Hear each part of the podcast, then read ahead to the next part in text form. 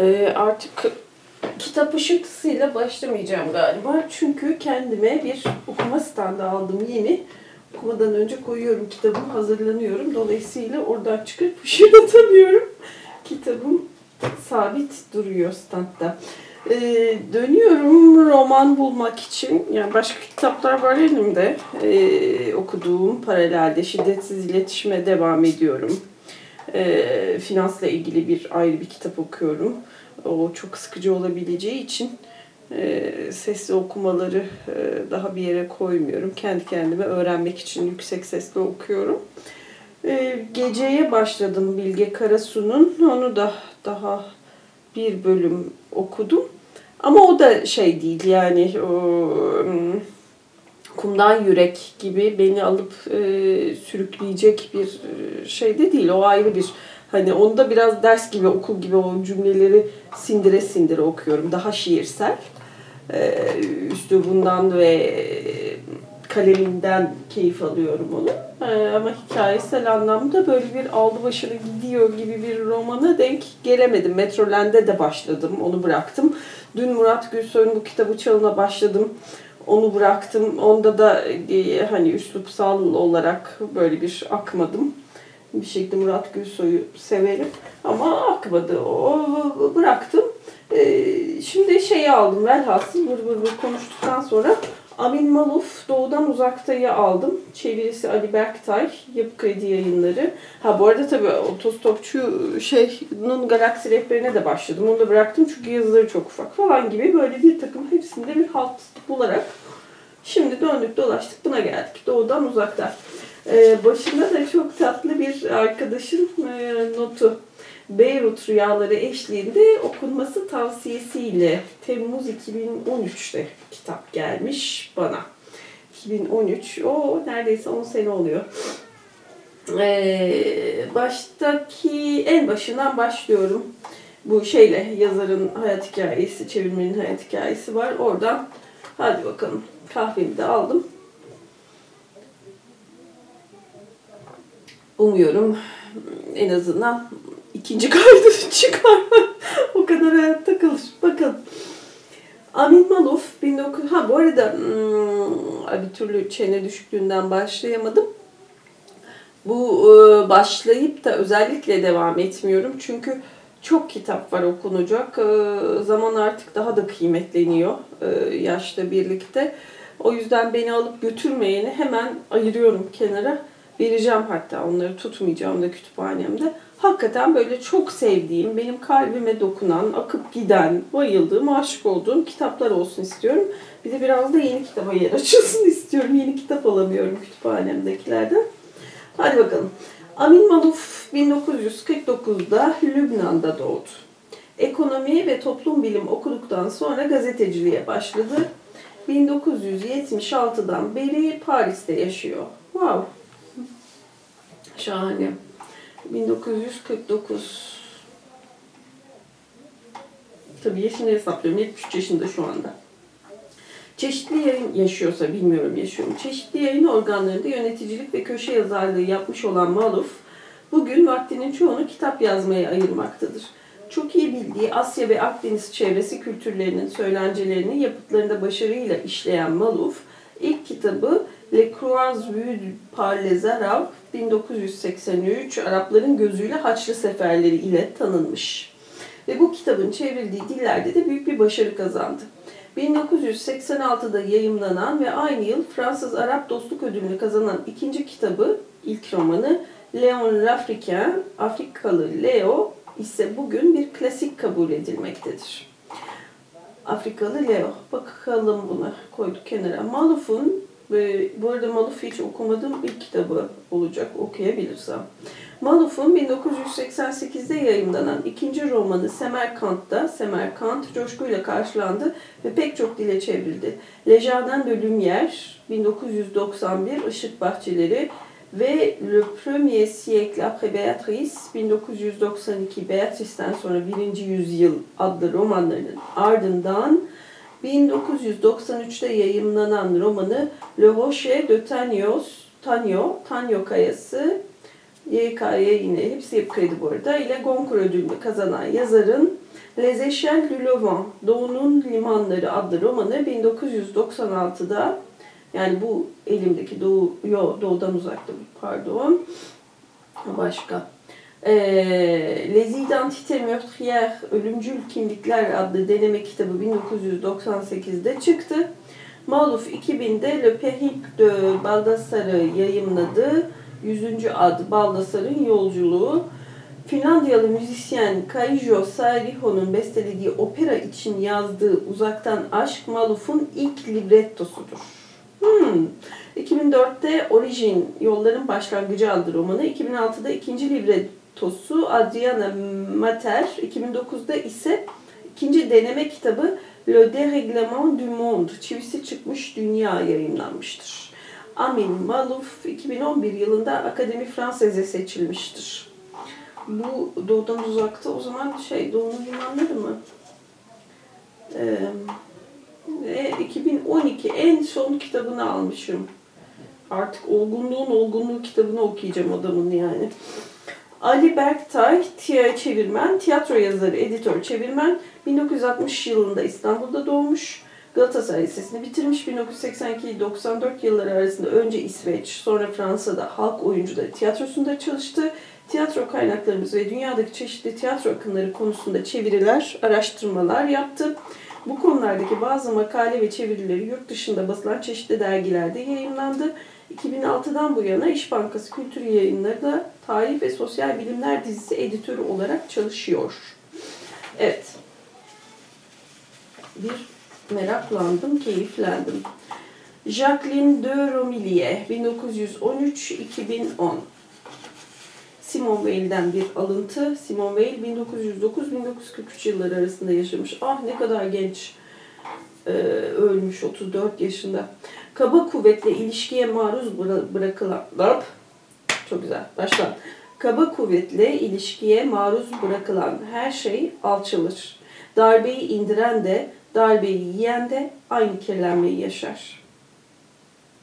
Kaba kuvvetle ilişkiye maruz bırakılan her şey alçalır.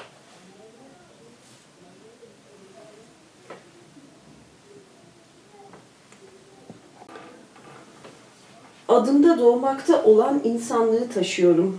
Ama ben nesli giderek tüken, tükenen insanlığa aidim diye kayıt düşecekti Adam not defterine acı olaydan iki gün önce. Adımda doğmakta olan insanlığı taşıyorum. Ama ben nesli giderek tükenen insanlığa aidim diye kayıt düşecekti. Adam not defterine acı olaydan iki gün önce. Adem gibi aslında. Annemle babamın bana niye bu ismi koyduklarını hiçbir zaman öğrenemedim. Doğduğum ülkede pek rastlanan bir isim değildi ve ailemde de benden önce kimseye konmamıştı. Bir gün babama bunu sorduğumu, onun da o hepimizin atası diye geçiştirdiğini hatırlıyorum. Sanki ben bilmiyormuşum gibi. 10 yaşındaydım ve bu açıklamayla yetinmiştim. Belki de henüz hayattayken bu tercihin arkasında bir niyet, bir düş olup olmadığını sormalıydım ona.'' Bana öyle geliyor ki vardı. Babama göre ben kurucular topluluğunun bir üyesi olacaktım. Bugün 47 yaşımda bana biçilen görevin yerine getirilmemiş olarak kalacağını kabullenmek zorundayım. Ben bir soy zincirinin ilk değil son halkası, kendi insanlarımın en sonuncusu, onların birikmiş hüzünlerinin, hayal kırıklıklarının ve utançlarının emanetçisi olacağım. En berbat vazife bana düşüyor. Sevdiklerimi teşhis edeceğim. Sonra başımı sallayacağım ve örtü yeniden yüzlerinin üstüne çekilecek. Bu nesli tükenenler görevlisiyim. Ben nesli tükenenler görevlisiyim. Ve sıra bana geldiğinde hiç eğilip bükülmeden bir kütük gibi devrilecek ve duymak isteyenlere şunu yineleyeceğim. Haklı olan benim, hatalı olan tarih.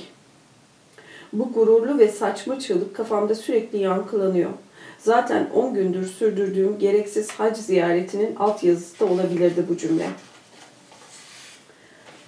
Sular altında kalmış ülkeme dönerken kendi geçmişimin ve yakınlarımın geçmişinin bazı kalıntılarını kurtarabileceğimi düşünmüştüm. Bu konuda artık fazla bir şey beklemiyorum. İnsan batışı geciktirmeye çabaladıkça onu hızlandırma tehlikesiyle karşı karşıya kalabilir. Bununla birlikte bu yolculuğa çıktığıma pişman değilim. Gerçi her akşam ana vatanımdan niçin uzaklaştığımı bir kez daha keşfettiğim doğru ama her sabah ondan niçin asla kopmadığımı da keşfediyorum. Suların ortasında Doğu Akdenizli inceliği ve dingin şefkat adacıkları bulmak en büyük sevinç kaynağım oldu. Bu bana en azından şimdilik yeni bir yaşama iştahı, savaşmak için yeni nedenler, hatta bir umut ürpertisi veriyor. Peki ya daha uzun vadede? Uzun vadede Adem ile Havva'nın tüm evlatları yitik çocuklardır. Birinci gün. Adam, Perşembe günü uykuya dalarken uzun yıllar kendi isteğiyle uzak durduktan sonra ertesi gün köklerinin bulunduğu ülkeye uçacağı ve bunu bir daha asla konuşmamaya ant içtiği bir adamın yanına gitmek için yapacağı aklından bile geçmiyordu. E, Adam perşembe günü uykuya dalarken ne güzel bir ilk cümle. Adam perşembe günü uykuya dalarken uzun yıllar kendi isteğiyle uzak durduktan sonra ertesi gün köklerinin bulunduğu ülkeye uçacağı ve bunu bir daha asla konuşmamaya and içtiği bir adamın yanına gitmek için yapacağı aklından bile geçmiyordu. Adam'ın olur. Cümlede bir düşüklük var. O yüzden okey. Ama ilk cümlede bir düşüklük olmaz yahu. Adam aklından bile geçmiyordu değil, geçirmiyordu der. Neyse. Ama Murad'ın eşi önünde durulamayacak sözcükleri bulmayı bilmişti. Arkadaşın ölecek, seni görmek istiyor. Telefon saat sabahın beşinde çalmıştı. Adam el yordamıyla telefonu almış, ışıklı tuşlardan birine basmış ve hayır emin ol uyumuyordum diye cevap vermiş veya buna benzer başka bir yalan uydurmuştu. Telefon diğer ucundaki kadın daha sonra onu veriyorum demişti. Ölüm döşeğindekini dinleyebilmek için soluğunu tutmak zorunda kalmıştı. O vaziyette bile karşısındakinin sözlerini işitmekten çok tahmin etmişti. Uzaklardan gelen ses bir kumaş hışırtısını andırıyordu. Adam iki üç kez tabi ve anlıyorum diye tekrarlamak zorunda kalmış ama aslında ne bir şeyden tabi diyecek kadar emin olabilmiş ne de bir şey anlayabilmişti. Karşısındaki sustuğunda ağzından temkinli bir hoşça kal çıkmış. Daha sonra kadının telefonu tekrar almadığından emin olmak için birkaç saniye beklemiş ve telefonu kapatmıştı. O zaman eşi Dolores'e dönmüştü. Dolores ışığı yakmış ve yatağın içinde sırtını duvara dayayıp oturmuştu. Olayın artısını eksisini tartıyor gibiydi ama aslında bir kanıya varmış ama aslında bir kanıya varmıştı. Arkadaşın ölecek. Sana telefon ediyor. Tereddüt etmeye hakkın yok. Gitmelisin. Arkadaşım mı? Ne arkadaşı? 20 yıldır konuşmuyoruz. Gerçekten de yıllardır ne zaman Murat'ın adı geçse ve onu tanıyıp tanımadığı sorulsa geçmiş bir arkadaş diyordu. Karşısındakiler çoğunlukla eski bir arkadaş demek istediğini varsayıyorlardı. Ama Adam sözcüklerini rastgele seçmezdi. O ve Murat geçmişte arkadaştılar. Sonra arkadaşlıkları bitmişti. Bu nedenle onun gözünde en uygun ifade geçmiş bir arkadaştı. Çok güzel. Çok güzel. Tekrar. Gerçekten de yıllardır ne zaman Murad'ın adı geçse ve onu tanıyıp tanımadığı sorulsa geçmiş bir arkadaş diyordu. Karşısındakiler çoğunlukla eski bir arkadaş demek istediğini varsayıyorlardı. Ama Adam sözcüklerini rastgele seçmezdi. O ve Murat geçmişte arkadaştılar, sonra arkadaşlıkları bitmişti. Bu nedenle onun gözünde en uygun ifade geçmiş bir arkadaştı. Normalde Dolores'in yanında bu ifadeyi kullandığında kadın merhametli bir gülümsemeyle yetinirdi. Ama o sabah hiç gülümsemedi. Yarın kız kardeşimle aram açılsa benim geçmiş kız kardeşim mi olacak? Abim de geçmiş abim mi olacak? Aile girince olay değişir. İnsanın seçim şansı yoktur. Burada da seçim şansın yok. Gençlik arkadaşı kardeş yarısıdır. Onu kardeşliğe aldığın için pişman olabilirsin ama reddedemezsin.'' Adam kan bağlarının niçin farklı bir doğası olduğunu ona uzun uzun açıklayabilirdi. Ama kaygan bir zeminde maceraya atılmak istememişti. Sonuçta eşiyle kendisi arasında da kan bağı yoktu. Bu nedenle şimdi birbirlerine ne kadar yakın olurlarsa olsunlar yarın öbür gün birer yabancı olma ihtimali var mıydı? İşlerinden biri ölüm döşeğindeyken diğerini çağırsa reddedebilir miydi? Reddedilebilir miydi? Böyle bir olasılığı hatırlatmak bile alçaltıcı olacaktı. Susmayı tercih etti. Zaten akıl yürütmek hiçbir işe yaramıyordu. Er veya geç teslim bayrağını çekecekti. Murad'a hınçlanıp arkadaşlığını kesecek, hatta eşi ne derse desin onu reddedecek binbir neden ileri sürebilirdi. Ama ölüm yaklaşırken bu binbir nedenin hiçbir değeri kalmıyordu.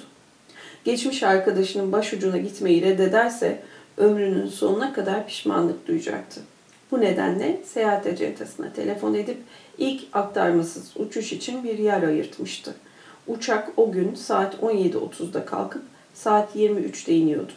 Bundan daha hızlısı da elinden gelmezdi zaten.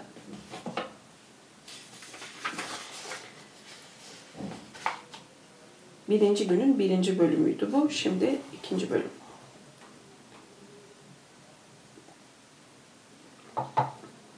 İki. Bazı insanlar ancak yazarken düşünür. Adam da onlardandı. Bu onun için hem bir ayrıcalık hem de bir engeldi. Eli kalem tutmadığı zaman zihni daldan dala atlıyor, fikirleri, fikirleri ehlileştiremiyor veya bir mantık inşa edemiyordu. Düşüncelerinin bir düzene girmesi için yazmaya başlaması şarttı. Onun için düşünmek elle yapılan bir etkinlikti. Bir anlamda nöronları parmak uçlarındaydı. Neyse ki parmakları becerikli ve oynaktı. Hiç duraksamadan kalemden klavyeye, kağıttan ekrana geçebiliyorlardı. Bu nedenle cebinde her zaman esnek kapaklı kalın bir not defteri, öğretmen çantasının içinde de bir dizüstü bilgisayar taşırdı. İçinde bulunduğu çevreye ve yazmayı düşündüğü şeyin niteliğine göre kah birini, kah diğerini açardı. Ah çok güzel. İşte bu. Tamam. Bu kitap gider. Kendinle işte bir bağ, bir ufacık bir e, empati ya da dilde böyle keyifli gelen, bana hitap eden bir bağlantı kurabildiğim bir şey bir şekilde işte ya. Tekrar. Bazı insanlar ancak yazarken düşünür. Adam da onlardandı. Yani ben de o kadar öyleyim ki kendimi bu kadar iyi ben anlatamam kendi şeyimi, e, hissimi. Bunu böyle yansımasını bu kitapta bu kadar net görünce işte kendi yoldaşım, kendi kardeşimi bulmuş gibi hissediyorum. Aynı kabiledeniz gibi. Bazı insanlar ancak yazarken düşünür. Adam da onlardandı. Bu onun için hem bir ayrıcalık hem de bir engeldi. Eli kalem tutmadığı zaman zihni daldan dala atlıyor, fikirleri ehlileştiremiyor veya bir mantık inşa edemiyordu. Düşüncelerinin bir düzene girmesi için yazmaya başlaması şarttı. Onun için düşünmek elle yapılan bir etkinlikti. Bir anlamda nöronları parmak uçlarındaydı. Neyse ki parmakları becerikli ve oynaktı. Hiç duraksamadan kalemden klavyeye, kağıttan ekrana geçebiliyorlardı. Bu nedenle cebinde her zaman esnek kapaklı kalın bir not defteri, öğretmen çantasının içinde de bir dizüstü bilgisayar taşırdı. İçinde bulunduğu çevreye ve yazmayı düşündüğü şeyin niteliğine göre kah birini kah diğerini açardı. O gün yolculuk başlarken defterde karar kıldı. Defteri cebinden çıkardı, ilk boş sayfayı arayıp buldu. Sonra önündeki servis masasını indirmek için uyarı ışığının sönmesini bekledi. 20 Nisan Cuma Uçak havalandığından beri beni bekleyen sınava hazırlanmaya çalışıyorum. Murad'ın kendini haklı çıkarmak için neler söyleyeceğini, söyleyebileceğini ve benim nasıl cevap vermem gerektiğini kafamda canlandırıyorum. Normal zamanda kendisine ne derdim ve mevcut durumunda neler diyebilirim? Fazla yalan söylemek zorunda kalmadan ruhunu huzur içinde teslim etmesini nasıl sağlayabilirim? Kendi yargılarımdan vazgeçmeden onun için nasıl rahatlatabilirim? Bunları düşünüyorum. Ölüm döşeğindekilerin affedilmeleri gerektiğinden emin değilim. Her insan ömrü sona ererken sayacı sıfırlamak, bazılarının zulmünü ve açgözlülüğünü, bazılarının da merhamet ve fedakarlığını sahte bir sofulukla kar ve zarar hanelerine kaydedip geçmek fazla basit bir çözüm olurdu. Katiller ve kurbanları, zalimler ve mazlumlar ölüm gelip çattığında eşit ölçü Katiller ve kurbanları, zalimler ve mazlumlar ölüm gelip çattığında eşit ölçüde masum sayılacaklar. Öyle mi? Her halükarda benim için öyle değil. Benim bakış açıma göre suçun cezasız kalması da adaletsizlik kadar ahlak bozucudur.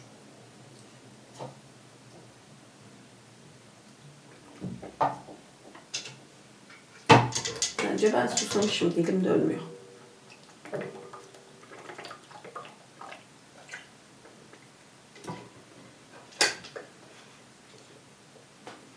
Gerçeği söylemek gerekirse bunlar aynı madalyonun iki yüzüdür. Hristiyanlığın ilk yüzyıllarında yeni din Roma İmparatorluğu'nda yayılırken bazı patricilerin Hristiyanlığı mümkün olduğunca geç kabul ettikleri anlatılır. Vaftiz olduklarında tüm günahlarının silineceği söylendiği için sefih hayatlarını sürdürüp ancak ölüm döşeğinde vaftiz olurlarmış. Uyanıklık çok iyi. Bu gecikmiş tövbelerin dinin gözünde bir değeri olup olmadığını bilmiyorum. Benim gözümde hiçbir değerleri yok. Ne antik Romalıların ne de kendi çağdaşlarımın tövbelerinin. Bununla birlikte ölüm anının zorunlu bir adabı vardır.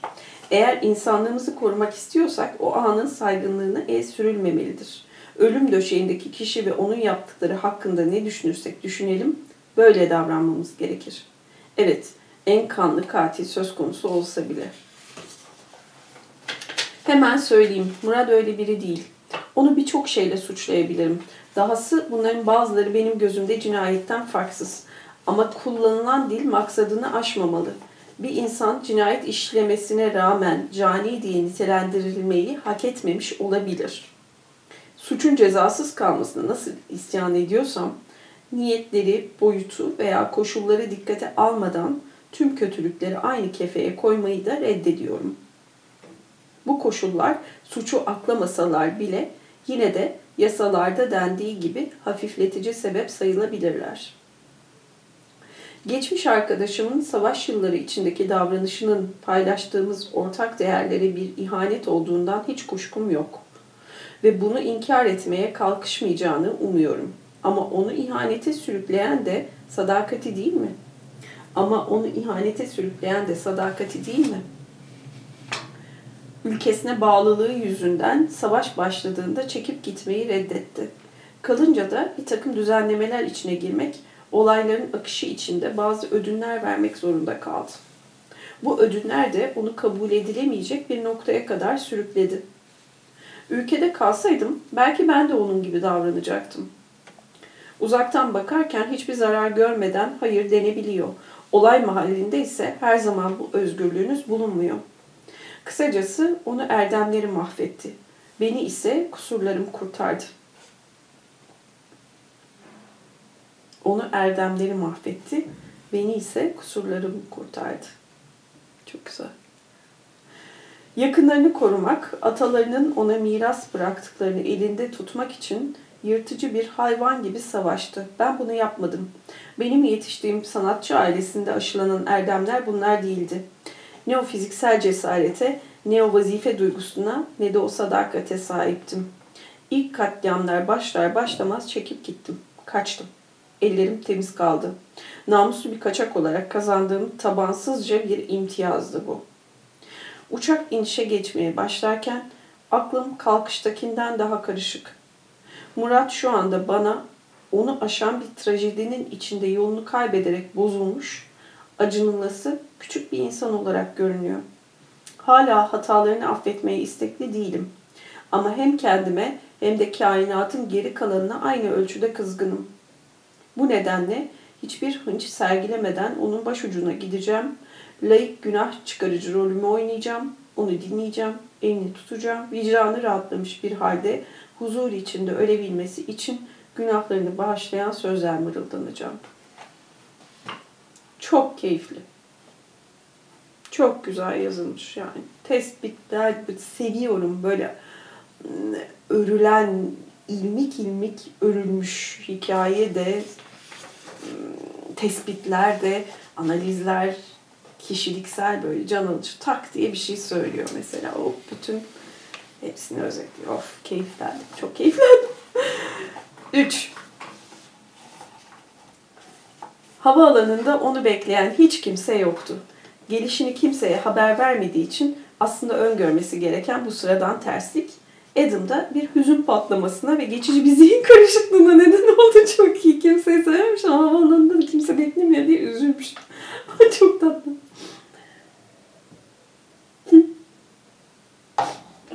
Nasıl naif bir ayrıntı. Duygu, duygu işte kalp, bağlantı. Havaalanında onu bekleyen hiç kimse yoktu. Gelişini kimseye haber vermediği için aslında öngörmesi gereken bu sıradan terslik Adam'da bir hüzün patlamasına ve geçici bir zihin karışıklığına neden oldu. Doğduğu şehre kendi ülkesine indiğini hatırlamak için biraz çaba harcaması gerekti.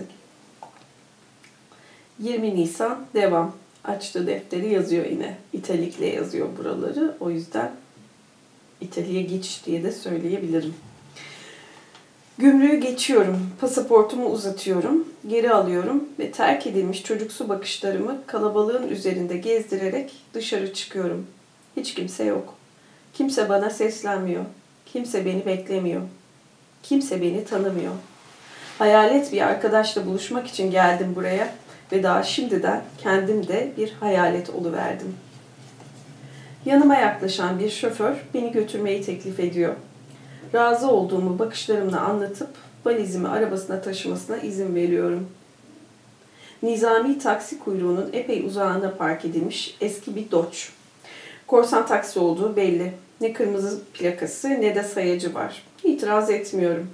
Normal zamanda böyle işler beni öfkelendirir ama bu akşam gülüp geçiyorum. Aşina olduğum çevre koşulları belleğimde tazelenirken bir takım tedbir refleksleri de geri geliyor.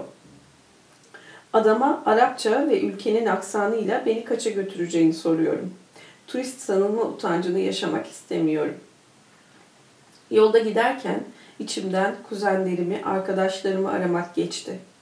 Gece yarısına beş vardı ama saati sorun etmeyecek ve beni ısrarla evinde kalmaya davet edecek en az birkaç arkadaş tanıyorum. Sonunda kimseyi aramadım.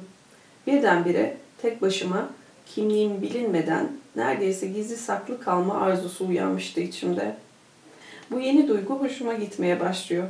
Kendi ülkemde, kendi insanlarımın arasında doğduğum şehirde kimliğimi gizleyerek yaşamak. Oteldeki odam geniş, çarşaflar temiz ama bu saatte bile gürültüsü kesilmemiş bir sokağa bakıyor. Ayrıca kanter içinde uyanmak korkusuyla kapatmaya cesaret edemediğim klimanın da insanı serseme çeviren homurtusu buna ekleniyor. Gürültünün beni uykusuz bırakacağını sanmıyorum. Uzun bir gündü. Hem bedenim hem de zihnim çok geçmeden uyuşacak. Dışarıda hafif hafif kar yağıyor. Hafiften akşam oluyor. Kuşlar da karda uçuşuyor. Karda uçuşan aptal kuşlarım var benim önümde şu anda. Şapşik diyeyim. Şapşik kuşlar. Kaba alacağım.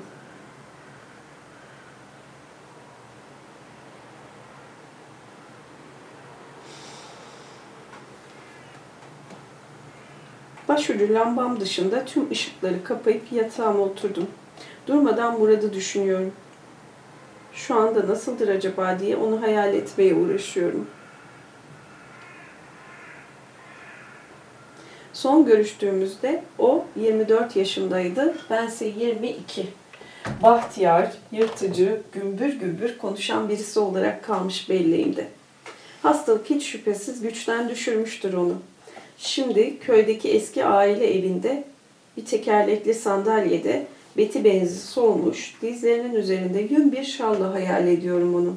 Ama belki de hastanede, madeni bir karyolada serum şişeleri ve borularıyla, ışıkları yanıp sönen cihazlarla, bandajlarla kuşatılmış bir haldedir. Yanı başında da bir iskemle duruyor. Benden oraya, oraya oturmamı isteyecek. Yarın bütün bunları öğreneceğim. İkinci gün. Bir.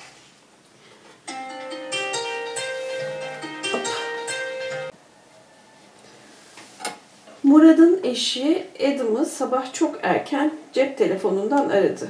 Onu hala Paris'te sandığı için hiçbir girişe gerek görmeden hatta alo bile demeden kupkuru bir sesle şunu söyledi. Seni bekleyemedi. O da henüz loştu. Adam'ın ağzından ısık gibi bir küfür çıktı. Sonra kadına geceden beri şehirde olduğunu, isteği üzerine onu görmek için koşup geldiğini bildirdi. Ama kadın hızını alamadan bir kez daha yineledi. Seni bekleyemedi. Kelimesi kelimesine aynı cümle ama ton değişik. Bu kez suçlama yok. Hüzün, öfke ve belki Adam'a karşı bir parça şükran. Adam, Adam bir iki nezaket cümlesi mırıldandı. Bunu hattın iki ucunda birkaç saniyelik bir suskunluk izledi. Neden sonra dul kadın sadece teşekkür ederim dedi. Başsağlığı dileklerine nazikçe cevap verir gibiydi. Sonra nerede kaldığını sordu. Sana bir araba gönderiyorum. Tek başına yolu bulamazsın. Edim karşı çıkmadı. Sokaklarında levha, numara, kaldırım bulunmayan, semtlere, binaların, binalara da sahiplerinin isimlerinin verildiği bu şehirde artık yolunu kolay kolay bulamayacağının o da farkındaydı. 21 Nisan Cumartesi İtalik yazılara geçiş. Tanya siyahlara bürünmüş bile. Burun deliklerine pamuk tıkanmış Murat, kırışıksız çarşafın altında uslu uslu yatıyor. Hastanenin bir kanadı, iki bitişik oda, bir salon, bir balkon tamamen ona ayrılmış. Klinik tepeden tırnağa mermer ve kafur. Ölürken sahipsiz kalmamak için uygun bir yer. Yatağın ayak ucunda ayakta duruyorum ve ağlamıyorum. Ölünün önünde başımı eğiyorum, gözlerimi kapıyorum, hareketsiz durup bekliyorum. Düşüncelere daldığımı sanıyorlardır herhalde ama zihnim bomboş. Daha sonra dalacağım, daha, daha sonra dalacağım tefekküre. Ölüm, ölüp gitmiş arkadaşlığımıza dair anılarımı çağıracağım. Bir zamanların muradını tahayyül etmeye daha sonra uğraşacağım. Ama orada ölünün huzurunda hiçbir şey yok zihnimde.'' Arkamdan ayak sesleri işitir işitmez fırsatı kaçırmayıp yerimi bırakıyorum. Tanya'ya doğru yürüyorum. Onu kollarıma alıp kısacık bir an göğsüme bastırıyorum. Sonra gidip salonda oturuyorum. Tam salon denemez aslında. Üç kahverengi deri koltuk, üç açılır kapanır iskemle, bir kahve makinesi, maden suyu şişeleri, sesi kısılmış bir televizyon. Ama klinikte bu bir lüks sayılır. Siyahlar içinde dört kadın ve tıraşlı bir yaşlı adam gelmiş bile. Onları tanımıyorum. Başımda bir selam verip boş olan tek koltuğa çöküyorum. Hala düşüncelere dalmadım ve aklımdan hiçbir şey geçmiyor. Sadece durumu uygun bir çehre takınmaya çalışıyorum. Birer heyet gibi başka insanların da gelmeye başladıklarını görünce ayağa kalkıyorum. Ölünün önünden bir kez daha geçiyorum. Tanya'yı bir kez daha öp kulağına daha sonra görüşürüz diye mırıldanıyorum. Arkamdan kovalıyorlarmış gibi adımlarımı hızlandırarak klinikten çıkıyorum. Kendimi yeniden sokakta, yoldan geçenlerin arasında tek başıma, gürültü patırdığının içinde dingin bir halde bulduğumda ancak o zaman düşüncelerim ölüm döşeğinde bıraktığım, bırakıp çıktığım adama yöneliyor. Sohbet kırıntıları, gülüşmeler, görüntüler geliyor aklıma. Dost doğru yürürken bin bir farklı şey düşünüyor ama hiçbirine takılıp kalmıyorum. Bir taksinin kornası beni gerçeğe döndürüyor. Başımla evet diyorum, kapıyı açıyorum. Şoföre otelimin ismini söylüyorum. Adam benimle İngilizce konuşuyor. Bu da beni hem gülümsetiyor hem de sinirlendiriyor. Benim de ana dilim olan kendi dilinde cevap veriyorum. Ama kuşkusuz bir parça aksanım var. Göçmen izzeti nefsimi yaraladığı için kendini affettirmeye uğraşan şoför, ülkeye ve yöneticilerine verip veriştiriyor. Zamanında çekip gitme akıllılığını gösterenlere de övgüler düzüyor. Adam kibarca baş sallamakla yetindi. Konu ilgi alanına girdiği için başka koşullarda olsa sohbete katılırdı. Ama şimdi bir an önce yalnız kalmak, odasında yalnız kalmak, artık bir daha hiç konuşamayacak olanla hatıraları içinde yalnız kalmak istiyordu. Odasına girer girmez yatağa uzandı ve uzunca bir süre sırt üstü yattı. Sonra doğruldu not defterini aldı, birkaç satır karaladı. Sonra yepyeni bir ikinci defter açar gibi öbür ucundan başlamak için ters çevirdi. Yeni beyaz sayfanın tepesine normalde tarihi kaydettiği yere bir girizgah, belki de dua niyetine in memoriam yazdı ve bir sonraki sayfaya geçti. Murad, reddettiğim arkadaşım. Barışmaya fırsat bulamadan ölüm bizi ayırdı. Bu biraz benim, biraz onun, biraz da ölümün hatası. Aramızdaki bağları tam yeniden ölmeye başlamıştık ki ölüm onu ansızın susturdu.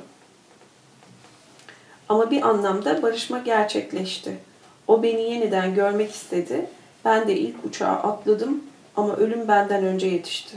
Düşününce belki de böylesi daha iyi oldu diyorum. Ölümün de kendine has bir bilgeliği var. Bazen kendinden çok ona güvenmek gerek. Geçmiş arkadaşım bana ne söyleyebilecekti? Yalanlar, çarpıtılmış gerçekler. Ben de ölüm döşeğindeki bir adama karşı acımasız davranmamak adına söylediklerine inanıp onu affetmiş gibi yapacaktım. Gecikmiş kavuşmamızın ve karşılıklı bağışlamalarımızın bu koşullarda ne değeri olacaktı ki? İşin aslı hiçbir değeri olmayacaktı. Her şeyin bu şekilde olup bitmesi bana daha edepli, daha saygın geliyor. Murat son saatlerinde beni görme ihtiyacı duydu. Ben aceleyle yetişmeye çalıştım. O da ölmekte acele etti. Burada geçmişte kalmış dostluğumuzu şereflendiren bir parça manevi zarafet var. Bu son söz benim açımdan tatmin edici. Öteki dünya diye bir şey varsa ileride erkek erkeğe oturup ne düşündüğümüzü birbirimize anlatacak zamanı buluruz nasıl olsa. Ölümden sonra hiçlikten başka bir şey yoksa o zaman da biz fanilerin tartışmalarının pek kıymeti harbiyesi kalmayacak demektir. Onun ölümüne tanık olan şu günde onun için ne yapabilirim? Sadece adabın bana yapmamı emrettiği şeyi. Onu mahkum da etmeden, günahlarını da bağışlamadan, dinginlik içinde hatırasından söz etmek. O ve ben çocukluk arkadaşı değildik. Aynı ülkede, aynı bölgede ama farklı çevrelerde büyümüş, ancak üniversitede tanışmıştık. Ama ilk yılımızın henüz ilk günlerinde gerçekleşen hızlı bir tanışmaydı bu. Dostluğumuz bir akşam buluşmasıyla başlamıştı. Sanıyorum 15 kişi kadardık. Erkeklerin sayısı kızlardan biraz daha fazlaydı. Listeyi şimdi çıkarmaya kalksam mutlaka birkaç kişiyi unuturum. O ve ben vardık. Tanya vardı tabii. Henüz karısı değildi ama çok geçmeden olacaktı. Alber, Naim, Bilal ve güzel Semi vardı. Ortaklar, ayrılmaz ikili veya sadece iki Ramz gibi lakaplar takılan Ramzi ile Ramiz vardı. Elimizde kadeh, yüreğimizde isyan, üniversite yaşamına adım atıyorduk ve artık yetişkin olduğumuzu sanıyorduk. En yaşlımız 23'ündeydi. Ben 17,5 ile en gençleriydim. Murat benden 2 yaş büyüktü. Ekim 71'di. Onun evinin tarıçasındaydık.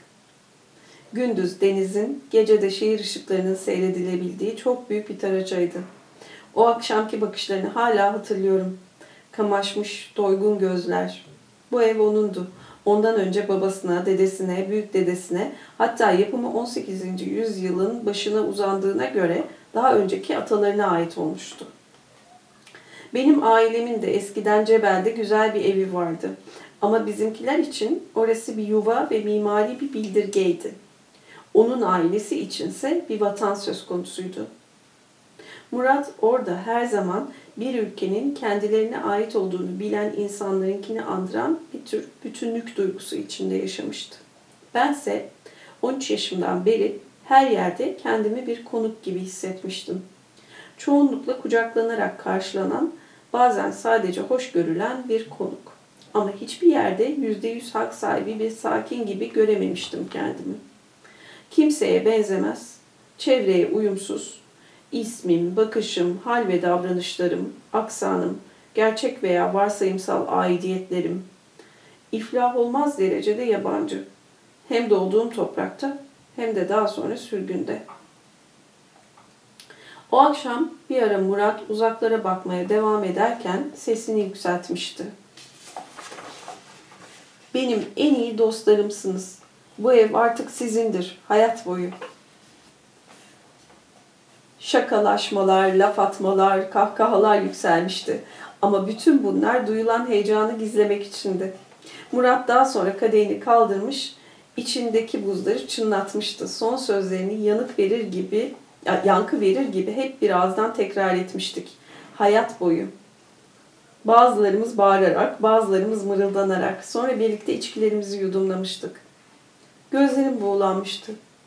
Bugün bile o anı düşündüğümde yeniden buğulanmalarına engel olamıyorum. Heyecandan, hasretten, hüzünden, öfkeden. O kardeşlik anı meğer ömrümün en güzel anı olacakmış. O kardeşlik anı meğer ömrümün en güzel anı olacakmış. Sonra oradan savaş geçti.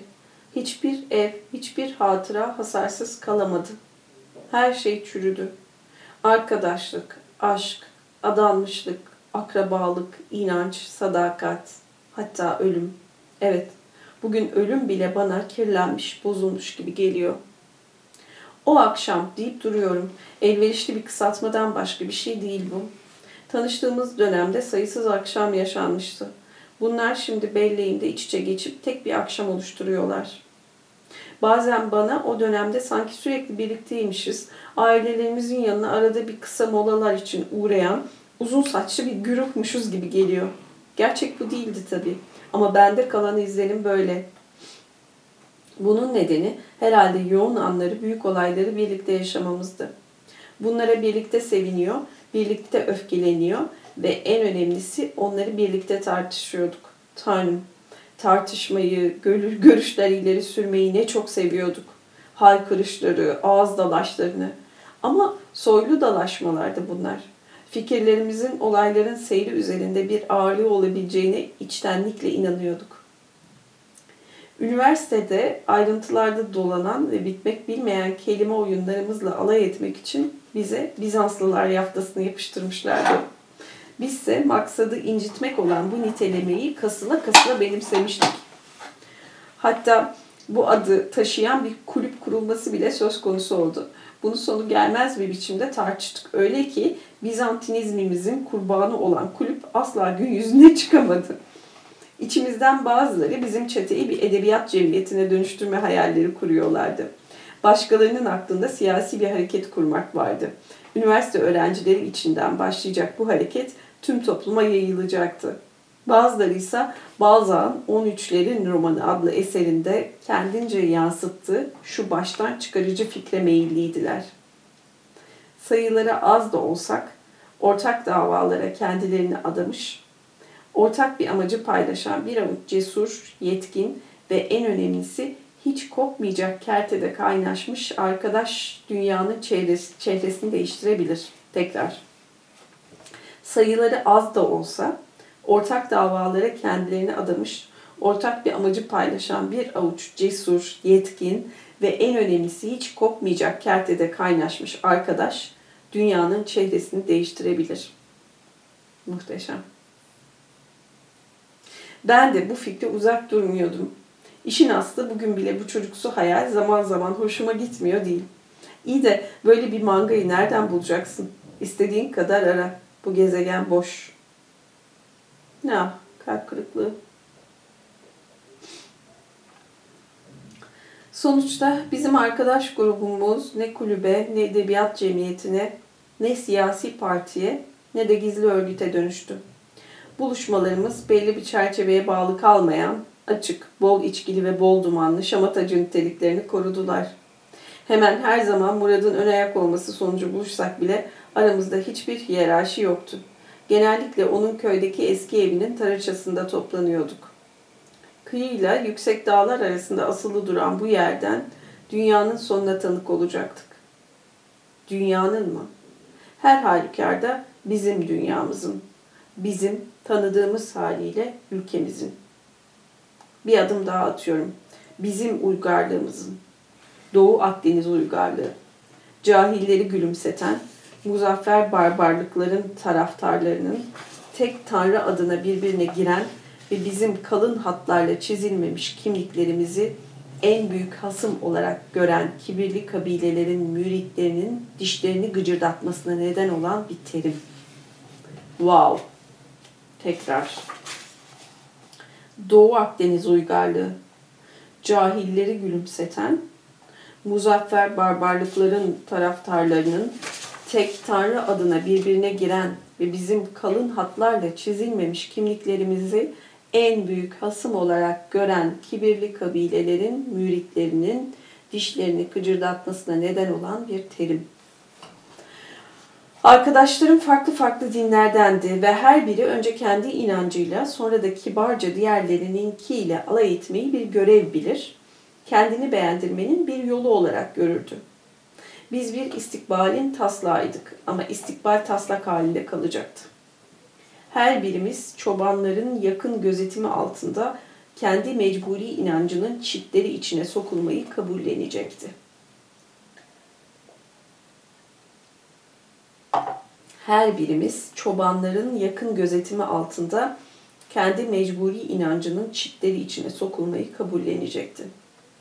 Kendimizi Voltaire'ci, Camus'cu, Sartre'cı, Nietzsche'ci veya gerçeküstücü ilan etmişken kesin adlandırmalar, zengin bir şehitler listesi ve bunlara eşlik eden dini nefret duyguları uyarınca yeniden Hristiyan, Müslüman veya Yahudi olduk. Gençtik, ömrümüzün şafağı söküyordu derken gün batımına gelmiştik bile. Savaş yaklaşıyordu. Radyoaktif bir bulut gibi bize doğru tırmanıyordu. Artık onu durdurma olanağı kalmamıştı. Tek yapabileceğimiz kaçmaktı. Bazılarımız ona hiçbir zaman bu adı vermek istemese de bu bal gibi bir savaştı. Bizim savaşımızdı. Tarih kitaplarında bizim adımızı taşıyacaktı. Dünyanın geri kalanı için bilmem kaçıncı bir yerel çatışmadan ibaretti. Bizim içinse tufandı. Hassas mekanizmalara sahip ülkemiz su alıyordu, bozulmaya başlamıştı. Su taşkınları gelip geçtikçe onu onarmanın pek mümkün Ay, onu onarmanın pek mümkün olmadığını keşfedecektik. Artık belleklerimizde yıllar trajedilerle arkadaş topluluğumuz açısından da peş peşe gelen kopuşlarla ilişkilenecekti. İlk giden tüm ailesiyle babası, annesi, iki kız kardeşi, büyük annesi tüm ailesiyle birlikte Naim oldu.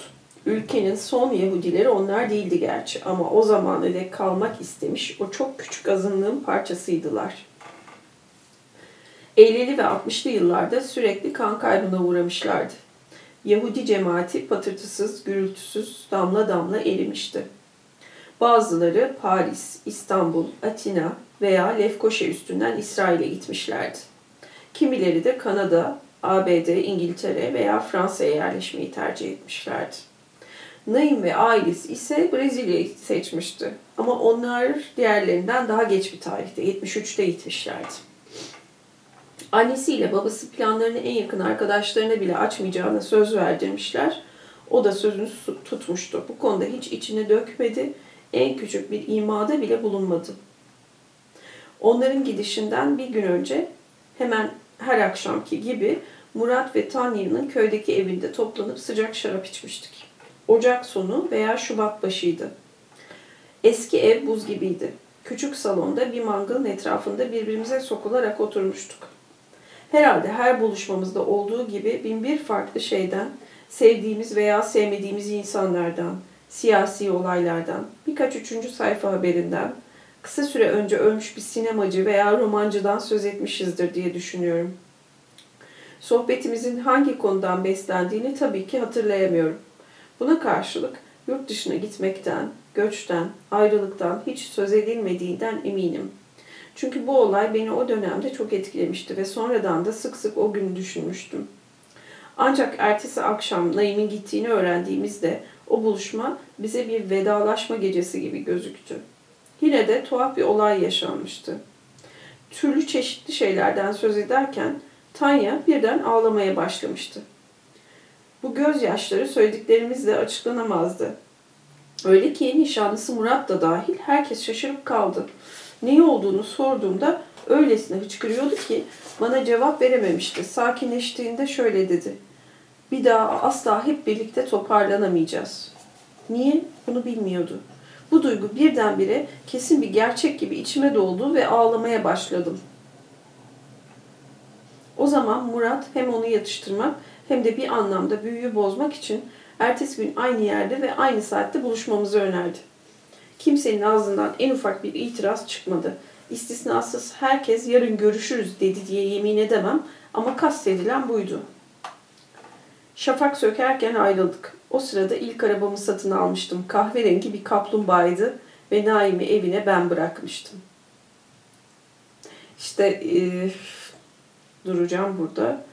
E, kalbime dokunmasının o kadar bariz nedenleri var ki.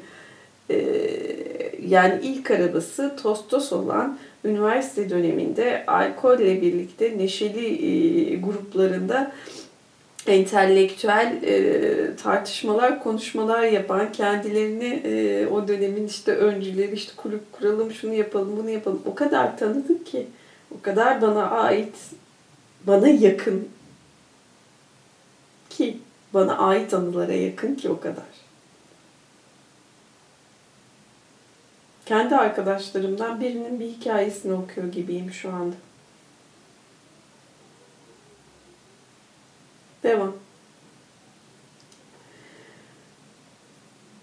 Bana tasarıları hakkında tek söz etmedi. Naim'i evine ben bırakmıştım. Bana tasarıları hakkında tek söz etmedi. İyi aydınlatılmamış ve ıssız yollarda baş başa kaldığımızda bile hiçbir şey söylemedi. Daha sonra yıllar sonra yazdığı bir mektupta annesiyle babasının o gece kendisini büyük bir endişe içinde beklediklerini anlatacaktı arkadaş grubunu terk etmemek uğruna onlarla birlikte gitmekten vazgeçeceğinden korkmuşlar ve onsuz mu gitmeleri yoksa yolculuğu başka bir güne mi ertelemeleri gerektiğini düşünmeye başlamışlardı. Eve girdiğinde ailesinden hiç kimse onunla konuşmamıştı. Ama sonuçta ailesiyle birlikte çekip gitmişti. Saflarımızda açılan ilk gedikti bu. Sonra sıra Bilal'e geldi. Onunki bambaşka bir gidiş şekliydi ölüm. İçimde ellerine silah alanları lanetleme isteği uyandığında Bilal'in anısı aklıma gelir ve bir iki istisna yapma gereğini duyarım.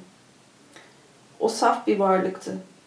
Bir ruhun derinliklerinde nelerin barındığını hiç kimse kesin olarak bilemez. Ama ben Bilal'i yakından tanımıştım ve yanıldığımı sanmıyorum. Ruhen dengesizdi ama saftı ve hiçbir bayağılığı yoktu.'' Aramızda arkadaşlık, sevgi ve belirli bir suç ortaklığı vardı. Hatta birkaç ay boyunca en yakın arkadaşım oldu. Kısa ama yoğun bir dönemdi. Her gün buluşuyorduk. Ya o gelip beni alıyor ya da şehir merkezindeki bir kahvede randevu veriyordu. Sonra saatlerce sokaklarda yürüyüp dünyayı yeniden kuruyorduk. Vietnam'dan, Bolivya'daki gerillalardan, İspanya İç Savaşı'ndan, uzun yürüyüşten söz ediyorduk lanetlenmiş şairlerden, öldürülmüş şairlerden, Garcia Lorca'dan, El Mütenebbi'den, Pushkin'den, sonra gerçi onlar kendilerini öldürmüşlerdi ama Nerval ve Mayakovski'den bahsediyorduk. Ayrıca aşklarımızdan da söz ediyorduk. Bir gün yürürken sağanak yağmura yakalanmıştık.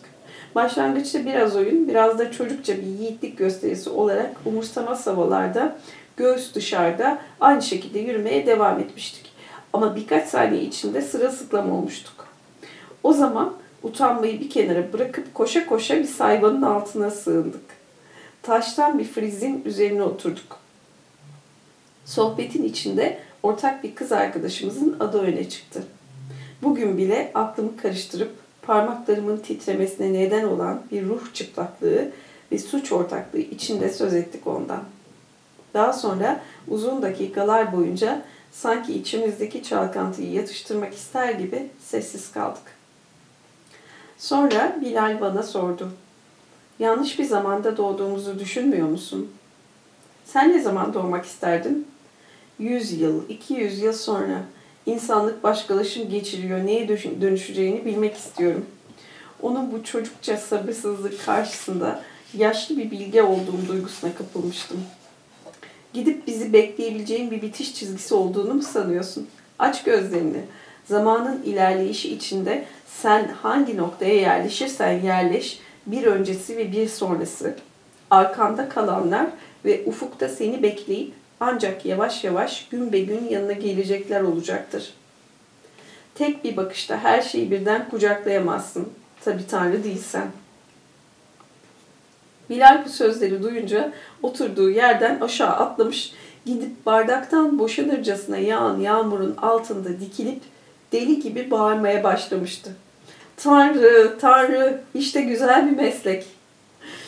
Bu sohbetten sekiz gün sonra Bilal ortadan kaybolmuştu. Artık beni aramıyordu.